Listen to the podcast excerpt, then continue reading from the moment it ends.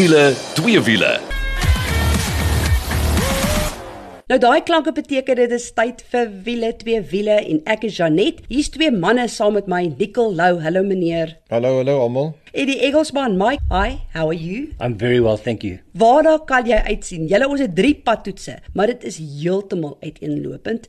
Dan het ons natuurlik 'n baie lekker wenk van die week ook en dit gaan oor die toekoms van bande en ook die tegnologie daar rondom. So Nikkel gaan sy wysheid daar deel. En vir twee wiele gaan ons 'n traan stort oor daai motorfiets wat jy wou gekoop het en nooit gekoop het nie en vandag is hy geweldig waardevol. Maar ons padtoetse net vinnig waarna jy kan uitsien. Chinese mark. Ja, ja, ja, hulle is hier om te bly en ons het met die ou mode en spesifiek die C5 gery. Jy moet ingeskakel bly hiervoor. En dan gery ons weer in Luxheid met Mercedes se GLC, maar spesifiek hulle 300D en dit staan natuurlik vir diesel. Dis 'n fantastiese diesel engine. Maar ja, kom ons spring weg, manne. Kom ons stel dit so, ek kan vir jou een ding sê, die Chinese is definitief hier om die wêreldmark te oorwin. Hoor, ek sê vir jou, ons dink natuurlik aan Chery en Omode is deel van die Cherry handelsmerk. Nou 'n paar jaar terug was Cherry um nie die wonderlikste produkte in Suid-Afrika nie. Hulle het toe verdwyn uit die land uit.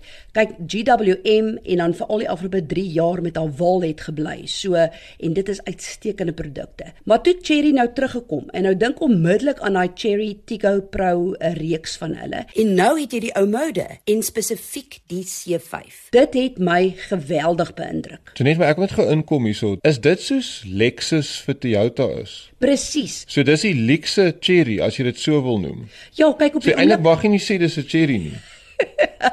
Snaaks genoeg op die oomblik val hy nog deel van die Cherry handelsmerk, maar hy gaan binnekort heeltemal op sy eie staan. Al wat ek weet, kyk, ek het eers gefrons toe ek hoor ons gaan hierdie kar kry, maar uh, ek gaan my woorde in my frons heeltemal terugtrek, hoor. Hy is so futuristies. Nikkel, jy het al hulle op die pad gesien. Hy het hierdie diamantvormige sierrooster aan die voorkant. Wat jy van 'n myl af kan sien. Dit lyk amper soos 'n elektriese kar. Ek wil nou net sê, ek het ongelukkig gemis om hom te ry, ek wil nou graag hoor wat julle ouens dink van dit. Maar toe ek hom sien op die pad, toe dink ek ja nee, dis 'n elektriese kar. Hy lyk so futuristies, so modern. Hy staan regtig waar uit. Ek weet hy het 'n petrol en 'n 1.5 turbo, maar vertel vir ons bietjie meer. Moet ons dit nou al begin oorweeg? Ons altyd praat ons van die Chinese op pad, die Chinese op pad. Ek dink hulle is nou hier. Nee nee nee, hulle is hier om te bly, hoor. Jy kan beslis hierdie ou mode C5 oorweeg. Jy kyk na 1.5 liter 4-silinder turbo petrol engine. So, dis 115 kW 230 Nm wringkrag. Wat my interessant is dat die brandstofverbruik is so 6.9 liter per 100 km en ons het nie ver van dit af gekry nie hoor. Ons het so by die 7.5 geboer. Interessant ook, hy kom met 'n CVT radkas. Nou as jy CVT hoor dan wil jy amper huil. Ek kan vir jou sê dat hierdie van die beter CVT's is. Goed, hy raak nog grof as jy wil bietjie aanstoot, maar dit is maar wat CVT doen. Maar ek dink wat vir my uitstaan hier, een ding wat die Chinese probeer doen is hulle het regtig 'n hoë spesifikasie vlak wat hulle deel vorm van hulle voertuie. So dink aan enige leksheid wat jy kan kry, dit is deel van hierdie C5. Ek wil net gou vir jou vra, so die grootte, dis obviously 'n SUV vir families. Kan mense dit vergelyk met iets soos 'n RAV4 grootte of miskien 'n Audi Q5. Ek dink sommer 'n Audi omdat daar soveel spesifikasies binne hierdie kar is. As jy binne hom gaan, daar is alles 'n gelaai. Ja, dink bietjie middelslag sportnet, so dis daai C-segment kruismodel en dan uh, jou kompetisie is jou tipiese Nissan Qashqai of jou Volkswagen T-Roc. Dit is waarna hy val. So is bietjie so, kleiner. Bietjie kleiner. Okay. Ja, maar nou die prys, julle, hoor gou hier. Die prys begin by 447900. Is dit die deposito wat jy moet betaal? ja, dis die intree model. En dan hardloop hy al die pad op na 509900. So daar's 5 C5 modelle waarvan jy kan kies. En ek dink die waarborg is ook ag ja, 'n diensplan van 5 jaar 70000 km. Dan jy 'n 5 jaar 150000 km voertuig waarborg. Maar dan bring hulle nog iets in wat ek nie heeltemal weet hoekom nie, maar hulle gee vir jou 'n engine waarborg van 1 miljoen kilometer maar dit is slegs geldig vir die eerste eienaar. Interessant. Correct. They call this car, they claim Armada has no visual comparison in the SA auto market. If you look at that car, they say there's nothing to touch it visually. So that's where we're going. And it's designed for the youngsters pages and pages of spec, Nicole. You can't believe it. It'll take us probably half an hour just to read through everything. So very special car, yeah. So ek dink regtig hierdie is 'n baie goeie waardige mededinger in hierdie segment. Soos jy kyk na 'n kruismodel of hierdie middelslag sportnutse wat tussen 400 en 600 000 is, gaan kyk na hierdie ou mode C5 en gaan loer op ons Facebook bladsy wiele twee wiele. Dan sien jy ook hoe lyk hierdie pragtige Chinese, ek wil sê amper futuristiese wa. Maar ouens, nou oor na iets heeltemal anders. En dit is die Toyota Wits. Okay, maar wat wat voor jy nou dit bekend maak. Ek wil nou net vir die ouens al buitekant sê, julle partykeer kla julle ons kyk net na hierdie verskriklike dierkarre. Dis miljoene, dis droomkarre. Niemand kan dit bekostig nie. Gaan ons nou regtig praat vandag oor die goedkoopste kar in die mark in Suid-Afrika? O ja, beslis. Wat jy praat van, hierdie Wits begin by 169809 rand. Ja, jy het reg gehoor, onder 170 000 rand vir 'n Toyota Wits. Maar goed, die Toyota Wits is natuurlik deel van daai samewerkingsooreenkoms wat hulle het met Suzuki. So hy kom van die Maruti Suzuki fabriek in India af, maar hy het nou 'n Toyota badge op. En ehm um, As jy dan byvoorbeeld dink aan hierdie klein karretjies, eh, die Suzuki se naam is natuurlik die Celerio, maar dink byvoorbeeld Citroen C3, jy kan selfs dink Kia Picanto alhoewel sy intree model is baie duurder, maar um, ek moet julle gou vertel van die poets wat ek op kaal gebak het. So hulle kom die karre ruil en ek sê maar nee wag, hulle moet dit sommer by Pelflow Bell wil doen en dis nou reeds die Mercedes waarvan ons later gaan praat, daai GLC en ek vergeet dis die Toyota Wits. Nou kyk, Kaal is nou nie van die kleinste nie. Hy's 1.92 meter lank en hy's vooruit streewend ook deesdae. en uh, ja, ek het die oproep gekry om te sê, "Wat het jy gedink om hierdie karretjie vir my te los?" Maar kan ek vir jou sê hy het soos Mr Incredible gelyk toe hy stop in die oprit, maar was hy nou beïndruk want dit is 'n 1 liter 3 silinder enjinkie en jy kyk maar net na 49 kW en 89 Nm wringkrag, maar is hy so lewendig en lekker om te ry. That's a very special little 3 cylinder 1 liter motor. It's got a twin jet motor so it pulls so well And that gearbox for me, I just loved it. It just makes you feel young and vibey. And 63% of the market in passenger cars are sold in the segment now, which is that entry segment A class. Ek wil net gou so 'n stappie terugvat. Soos kyk na Toyota se klein karretjies. Ons weet hoe gewild dit is. Ek dink al terug van die Tazz wat jy gejaag het. Ja. En toe daai ek wil dit was eintlik eers Conquest, toe Tazz toe jy gekry die Aygo, toe jy gekry die Agya en nou kry jy nou die Wits. Nou Toyota's bietjie stout dink ek om nou weer 'n Suzuki te vat en nou weer 'n ander badge op te sit, maar ons moet sê Suzuki maak van die beste klein karretjies daar buite. So ek dink Toyota is eintlik baie slim om dit te doen. Ons weet hoeveel sukses het hulle met die ander voertuie gedoen wat hulle dit mee gedoen het. Ehm um, juis omdat hulle so groot in die land is, hulle handelaarskappe is oral en ek dink daai gemoedsrus om daai Toyota amper sê backing te hê op 'n klein karretjie. So as jy in die mark is vir 'n klein karretjie vir jouself of vir jou uh, kind wat miskien 'n student is wat 'n karretjie soek, dis ideaal en uh, Mike sê vir my veiligheidsaspekte is daar op die karretjie. Ja, EBD, ABS, everything you want. Airbags. Ja, daar's two airbags, ja, absolutely. A nice little touch screen and Bluetooth and Apple Android and CarPlay. So, yeah, very well spec'd. En ek wil net gehoor met daai klein enjintjie gebruik hy seker glad nie brandstof nie. Dis nou die ding. Hulle sê jy kry 4.4 liter per 100. Nou kyk, toe ek nou in hierdie karretjie klim wat 'n 5-spoed handrat is en toe toe voel ek amper in Gymkhana mode, hoor, want daai 3 silindertjie brul ook vir jou. So ek het laat lees en my verbruik was 5.9. So, eh, wat het jy gekry? It took a day to get it down from 5.9 to 5.6.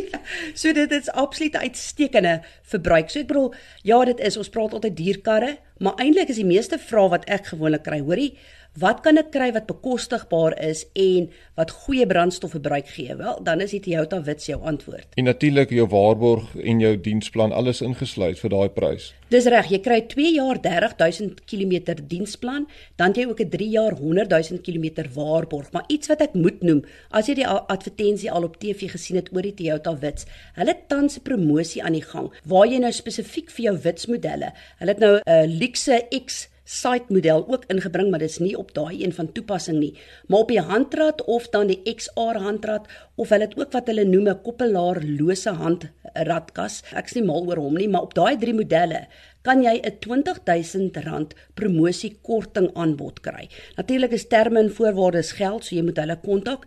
Die ander ding wat jy ook by Toyota kan uitvind is oor hulle Kinto aanbod, want dit gee vir jou weer 'n betaal vir gebruik mobiliteitsplan wat net dit vir jou moontlik maak om maandeliks te betaal en alles is ingesluit. So dis amper jy jy betaal vir die gebruik van die kar, maar jy hoef nie te bekommerd te wees oor enige addisionele kostes nie.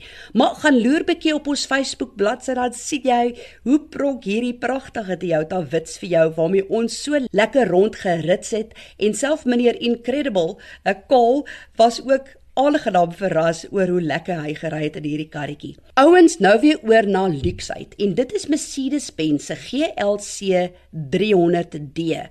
D staan vir diesel. Ag, oh, wat 'n fantastiese diesel engine was daai. Ek is so bly om te sien dat van die Duitse vervaardigers nog aanhang met hulle diesel engines want ons weet hoe lieflik dit is en daai balans van verrigting en brandstofverbruik. Nou en iets soos 'n GLC, dis natuurlik daai uh, sportnuts Ehm um, natuurlik baie leaks, eintlik 'n perfekte grootte vir die familie, veral as jy nog die kinders moet rondry en so aan. Maar ek het gepraat oor daai engine. Kyk, jy kry 'n 220D en jy kry 'n 300D. Dis eintlik dieselfde engine, die een se, hoe sê hulle, state of tune is net 'n bietjie hoër. Maar kan jy dink amper 200 kW uit 'n 2 liter turbo diesel. Dis ongelooflik. Just remember also nickel they've got that 48 volt hybrid system that helps as well. Eh? So 550 newton meters of torque and fuel economy to match. It was bliss. Ek wou hulle sê 6 liters per 100. Ek weet nie wat jy gele gekry het nie. Ja, wie is daar sodat ek weer eens. Ek bedoel as jy nou eers sekere knoppies druk dan dan wil jy nog wel laat lees en hierdie diesel is so vinnig uit die lyn uit. Ou net vinnig voor ek praat van die brandstofverbruik 0 tot 100 km/h, kyk jy na 6.3 sekondes. En hoor jy as jy nou voet neersit en wegtrek, voel dit behoorlik soos dit. En interessant genoeg vir 'n 2 ton voertuig, dit sê al klaar baie. Maar die verbruik, hulle beweer jy kan so 6.1 liter per 100 kry. Nou, ehm um, terwyl ek gery het, was ek op so 7.9. Ja, iemand anders het agter die voertuig geklim en toe gaan hy op na 11 toe, maar dit was nie baie nie. maar ja, ek dink vir algemene verbruik gaan jy nie ver van daai af kry nie. Dit is regtig uitstekend. Nikkel, ek dink deel van wat die verbruik so goed maak is natuurlik dat hy 'n mild hybrid ook is. Absolutely. You know, Nikkel, when I got the car back with that high fuel consumption, I set the speedo cruise on 100. I brought that car down to 5.6 on the way to Stellenbosch up Franschhoek. Net gou vinnig praat oor daai hibriede stelsel. Hulle praat van mild hybrid, 'n 48 volt stelsel en ook 'n ISG staan vir integrated starter generator. So dis een elektriese motor wat die enjin aanskakel, maar wat ook vir jou 'n bietjie 'n boost funksie kan gee as jy dit nodig het. So 'n klein batterypakkie, as jy rem en so aan kan hy bietjie krag terugsit en as jy voet neersit kan hy vir jou 'n bietjie 'n boost funksie gee. So baie van die moderne karre het dit nou al ook en dis natuurlik ook op hierdie GLC Maar ja, ek dink uh, leksheid, uh, verrigting en brandstofverbruik alles in een in hierdie pakket, maar uh, ons weet Mercedes is natuurlik nie goedkoop nie. Ja, kyk jy een waarmee ons gery het, het nou byvoorbeeld die AMG line pakket wat ook ingesluit is en daar kyk jy na ekstra glam, né? Jy het byvoorbeeld jou jou lugsuspensie wat deel is daarvan en wat hulle noem rear wheel steering wat mens beslis kan voel as jy deur draaie gaan. En dan het jy ook die engineering pakket wat dit nou vir jou vir jou maklik maak as jy van die pad af gaan want dan sit 'n allewiel aandrywingsstelsel en hy het ook byvoorbeeld waar jy 'n grondvrye hoogte kan stel. So vir the top of the range range gaan jy betaal 1.5 miljoen, maar ek kan vir jou sê dat die reeks begin by net so oor die 1.1. Net om af te sluit, die ry gemaak. Ek sê vir jou, dis nou 'n regte kar wat ek die lang pad sal mee aandurf. Hoor, hy gly so oor die pad. I think for me, luxury, family, utility, everything in one, and a good looking package as well. So it's a lifestyle car. You can do a little bit of adventure with it. You can go far in it. It's comfortable. It's got so much tech inside. I mean, those two screens equal more than 60 centimeters of, of curved screen in front of you. Absolutely amazing and very easy to use. En dan net om af te sluit, kyk, ek hou nie daarvan om in die aand te bestuur nie, maar met hierdie Mercedes het ek verskonings gesoek om in die aand te gaan bestuur, want dat die mooiste binne ruim beligting. En jy het dit op pers gestel, nê? Nee? Ek het Pers is my gunsteling keer.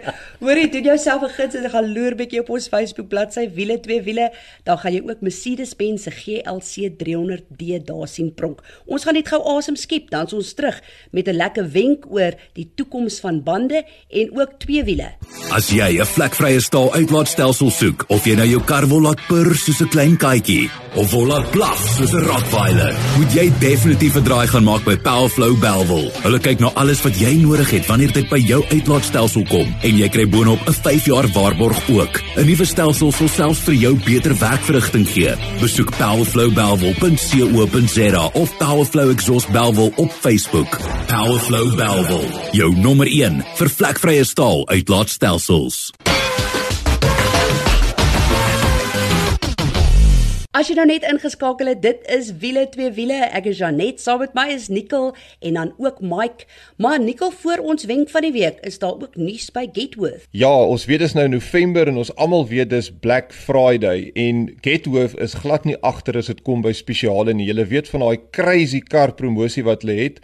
Hulle bring dit deur na November toe. Dit gaan sommer 'n crazy Black Friday November by hulle wees met 53 karre op malpryse by hulle. Maar weet julle wat? Hulle verkoop die karre so vinnig dat hulle nou jou kar ook soek want hulle moet hulle vloer weer vol maak. So as jy 'n kar het om te verkoop, gaan na Gethoof se webwerf toe, vul daai vorm in, kry daai kwotasie en jy sal baie verras wees om te sien die goeie pryse wat hulle aanbied. So as jy meer wil weet van Gethoof, besoek gerus hulle webwerf by gethoof.co.za om die beste prys vir jou kar te kry en ook om die mees spesiaalste prys te kry op 'n kar wat jy wil hê. Maar nou oor na ons wenk van die week. En Nikkel, jy wil 'n bietjie wysheid met ons deel oor die toekoms van bande. Ja, Janet, ek was gelukkig om so rukkie terug saam met Ryan Visagie oor te vlieg na 'n Continental se toetsfasiliteit in Duitsland waar hulle bande toets en dit was een van hulle tech dae soos wat hulle sê wat hulle verduidelik waartoe gaan bandtegnologie, hoe ontwikkel hulle bande?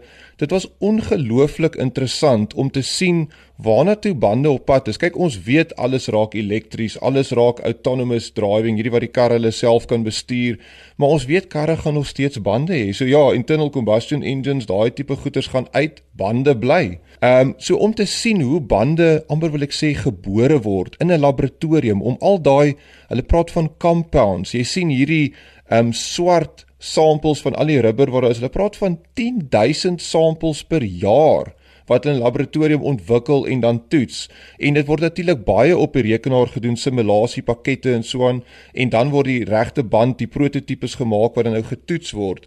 Maar voor ek net bietjie meer daarvan vertel, weet jy hoe moeilik is dit Mike vir 'n bandvervaardiger om aan almal se behoeftes te probeer voorsien? I can't imagine how much input you've got to put in there because some people want a soft slick tire for sports cars, some want those long high mileage tires, so it must be quite a challenge. Ja, so die probleem wat hulle mee sit is, soos jy sê, een ou wil hê sy bande moet vir ewig hou, die ander een soos Janet wat wil jaag, wil greep in die in die draaie hê. ja. Daai twee goeters, hulle praat van 'n spider diagram. So dis so spinnerak wat so die al daai vereistes het wat loop van die binnekant na buitentoe en hoe meer jy wil greep hê hoe sagter raak die band en hoe korter gaan hy hou. So dan raak jou durability longevity van die band gaan dan weer afneem. So dis ongelooflik om daai resep op 'n spesifieke band reg te kry. So daarom het jy verskillende bande daar buite. Een is vir een wat meer greep is een is vir een wat langer gaan hou.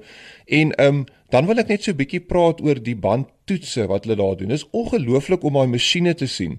Hulle het een, dit lyk soos 'n groot, ek praat van 'n spinnekop. Dit lyk omtrent soos 'n spinnekop. Dis 'n groot drom wat ja. um horisontaal draai met bande wat aan die buitekant van daai drom gekonnekteer is. Die idee is hulle kan 'n lang afstand toets doen met verskillende bande op dieselfde tyd. So hulle kan 5 bande op hierdie drom laat loop. Daai drom spin teen 120 km/h 24 ure 'n dag heeltyd. Hulle doen 14000 km toets en dan kan hulle al die bande wat in die buitekant van hom omgeloop het, kyk hoe verskil die wear op elkeen want elkeen het 'n verskillende compound. Hulle toetse waar hulle doen waar hulle band soos op 'n roller sit en met lasers van die onderkant af deur 'n deurskynende venster kan afneem hoe lyk die kontak oppervlakte op die pad. So dan sit hulle verskillende laste op die band en dan kan hulle kyk hoe vervorm die kontak. Onthou net, as jy met jou kar ry, daar's net 4 stukkies wat aan die T raak, so groot soos die palm van jou hand. As daai stukkies wat aan die T raak nie konstant aan die T raak nie, maar begin vervorm met las en so dan gaan jy begin gly. Dit is wat die onstabiliteit veroorsaak. So hulle kyk na al daai tipe van goed terwyl die bande ontwikkel word. Maar dan wat vir my interessant was is die nuwe era wat aanbreek, elektriese karre. So nou moet hulle die rolweerstand van 'n band so min as moontlik probeer kry want dit vreet energie en dit maak dat elektriese karre se ryafstand nie so goed is nie. So hulle moet nou rondspeel om rolweerstand so min as moontlik te kry, maar hulle wil nog steeds vir jou greep gee. So daai is nogal se so hulle sê 'n uitdaging.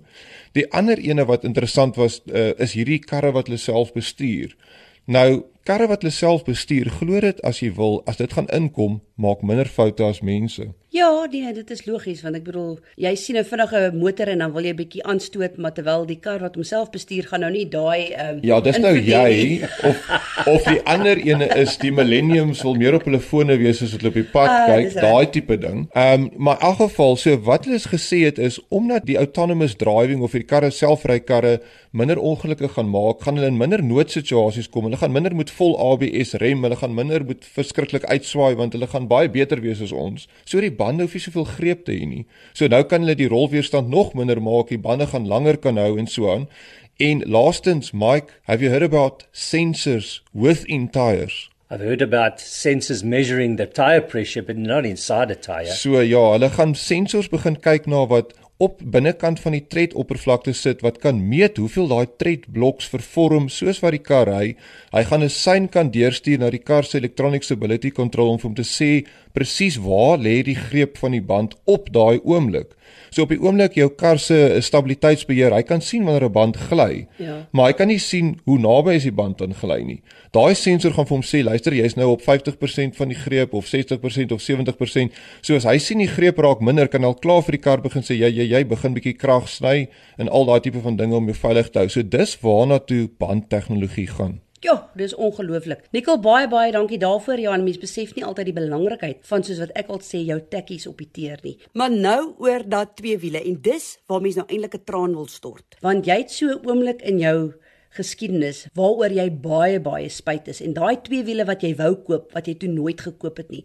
Nikkel, Jy het so 'n paar van daai stories. Ek was so universiteit eerste jaar gewees. Um, ek gaan my ouderdom nou weggee want uh, 98 1998, dis is die nuwe Yamaha R1 uitgekom het, daai bioniese motorfiets back oh. in the in the day. Ons almal wou een gehad het. Hulle prys was so nie dink ek was dit so 70000 rand as ek nou reg onthou. Maar dis die een wat ek wou gekoop het of wat ek oor spyt is nie. Wat ek oor spyt is is een van my vriende het 'n Honda RWF 750 RC45 gehad. Dis daai homologasie model wat Ern Slide gery het. Ongelooflike motorfiets. Um hy was tweedehands, hy het nie baie krag nie, net die R1 sal hom in sy kas gery het. Dit was nie 'n baie kragtige motorfiets nie, maar ikonies. Hy wou hom verkoop het vir 80000 rand. Toe sê ek vir hom, luister hierso. Jy's mal man. Ek kan 'n nuwe R1 vir 70000 rand gaan koop. Hoekom gaan ek jou 750 cc ou Honda koop vir 80000 Weet jy trek ek my hare uit my kop uit nou, Mike? Weet jy wat kos hy? Weet jy wat kos hy? Weet jy wat kos hy motorfietsse nou? I don't know, must be north of 500,000. Ja, so jy as jy nou 'n mooi Honda RC45 750 wil koop, dan gaan jy so tussen 700 000 en 'n miljoen rand moet uithaal oh, wow. vir daai motorfiets. So ja, oomblik van stilte asseblief. Ja, ek dink Liesel sou bly gewees het as jy die enetjie nog steeds in jou motorhuis gehad het. Maar nou ja, Mike, you also have a story. So I've got two very sad parts in my life in the 1980s very early to buy a Yamaha RD 350, the two-stroke one, the water-cooled one. and they are so valuable now. I drove one for a little while, but I didn't own one. But what an incredible machine. But what I am very sad about, in 1982, I think it was, a friend of mine, Kurt, bought a Suzuki Katana, but the SX. So that's the one with those spoke rims. It was a little bit quicker than the normal Katana.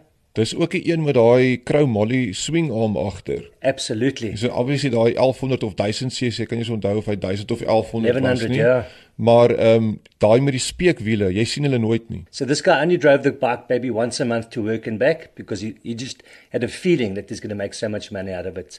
And then you know I didn't buy one so I was silly. I bought the old 1100. Maar hoorie praat gou van daai AD350 want ek weet Karl het ook een gehad. Hy droom selfs nou op sy ou dag oor een, maar die rede is die waarde wat so geklim het. Ja, nee, self ek het 'n uh, enetjie gemis seker so 10 jaar terug vir so R70000. Jy gaan nou so 120 120 tot 150 000 rand vir een betaal. Dis daai ikoniese tweeslag motorfiets. Hulle het gekom RD350 LC, liquid cooled het voorgestaan en dan later het jy die Powerwolf ingekry YPWS. Daai naam is jy dit hoor kry sommer hoendervleis. Dis natuurlik 'n parallel toon tweeslag ek weet die ouens het gehou daarvan om daai twee bossenpype so op te sit een aan elke kant en hy maak daai mooi rook ringetjies as jy hom so ref en dis 'n ongelooflike motorfiets gewees in sy tyd in die sin dat dit is 'n 350 cc maar hy het met die oop klas motorfietsse van sy tyd meegeding want hy was so kragtig on off switch jy moet regtig bietjie borshare gehad het om hom ordentlik te kan ry Ons almal soek nou een, maar weet jy skaars raak hulle? Die uh Banshee vierwiel motorfietsse het ook al 350 engines en dit is nie heeltemal dieselfde as die RD's nie, maar ek weet van die ouens begin al van die Banshee parte steel vir RD's en vice versa, maar ja, ons almal soek een in ons garage. So die lesie wat jy hier moet leer is as jy een van hierdie ikoniese modelle het wat nou in jou motorhuis staan en jy dink ag nee, dis net 'n ou motorfiets. Nee nee nee, hou maar vas hoor, want daai is regtig 'n belegging vir jou vir die toekoms. Maar dit is al vir wiele twee wiele vir hierdie week. Dankie dat jy saam met ons gekuier het. Jy weet wat om te doen tot volgende week toe. Hou daai wiele aan die rol.